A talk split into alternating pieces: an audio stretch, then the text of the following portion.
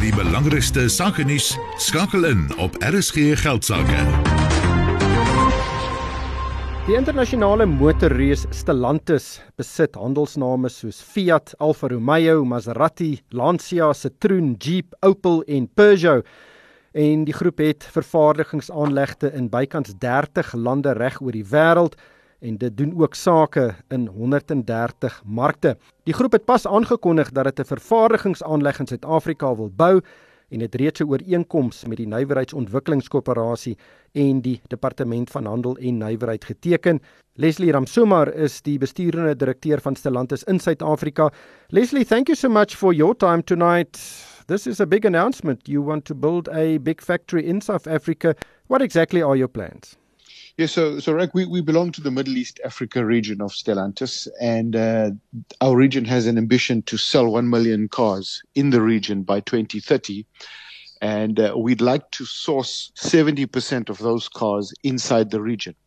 And currently, we have plants in, in Morocco and in Turkey. Those are major plants. And South Africa makes sense to be, you know, the southern bookend of, of this manufacturing opportunity uh, to supply the region, hence the plant in South Africa. So, where do you plan to build this plant and how big will it be? So, uh, Rick, you know, proximity to a port is important uh, because you have components in and then cars out because we also plan to export cars, as I explained.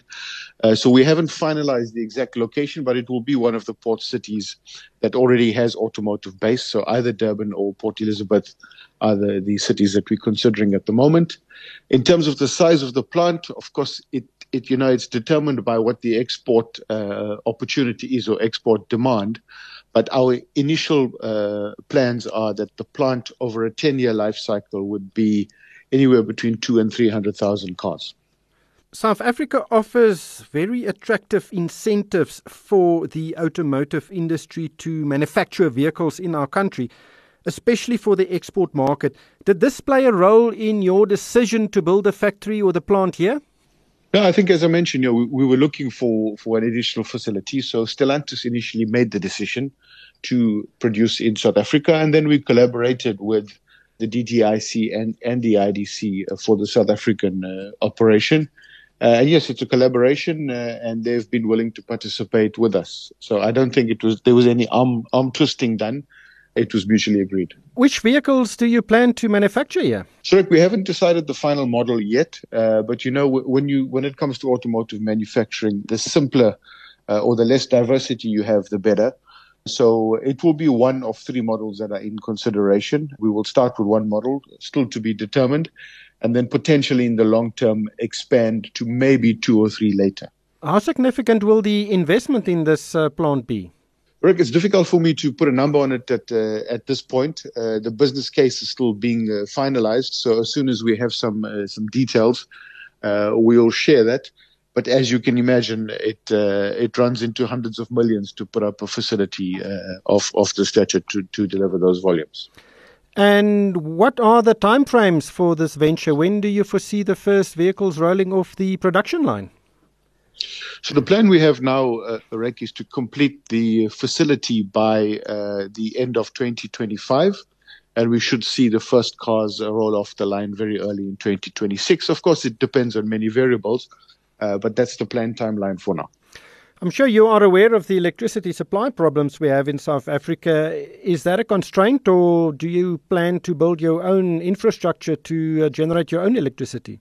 Yeah, of course. I mean, it, it cannot go uh, uh, unnoticed. I mean, uh, it is a challenge for, for South Africans. Uh, we expect that the situation will improve by the time we start to to uh, commence operations. Uh, but we do have some backup plans. So if we don't see any any improvement in the electricity situation, we have some other alternatives to consider. But it may it it may delay the commencement, but you know I don't think it would risk the project. You've previously said that you have a plant in Morocco. Did you consider any other African markets before deciding on South Africa?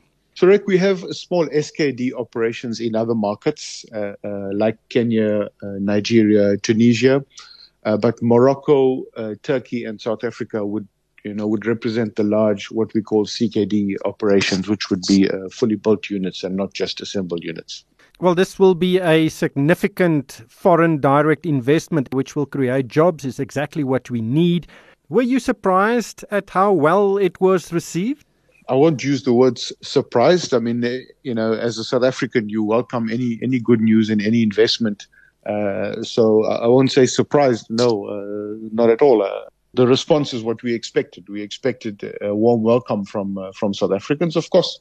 In any country, you get some naysayers, but uh, you know, Stellantis is forward thinking, and uh, we're an optimistic company. We're not fair weather sailors, so you know, when we make a decision, it's with a lot of thought. Uh, so you know we're quite optimistic about about what the country has to offer, despite uh, all of the challenges that we face. Uh, our outlook is positive. We have a very developed automotive manufacturing industry in South Africa. And one of the regulations that apply to those manufacturers is that they need to source a significant amount of local content. Will that apply to you too? Yeah, absolutely, Rick. I mean, uh, it's our intention to localize as much as we possibly can. Uh, firstly, to support the South African economy, and and you know, of course, from a business point of view, the more you source locally, the less uh, cost you have in terms of importing uh, components, uh, lo- especially in terms of logistics. So, our intention is to have the highest possible localization rate in whatever we decide to manufacture here. Leslie, thank you so much for your time tonight. That was Leslie Ramsumar, he's the MD of Stellantis in South Africa. Jy het geluister na RSG Geldsake met Moneyweb potgoe elke weeksdag om 7 na middag. Vir meer Moneyweb potgoe, besoek moneyweb.co.za of laai die toepassing af en volg Moneyweb News om dagliks op hoogte te bly.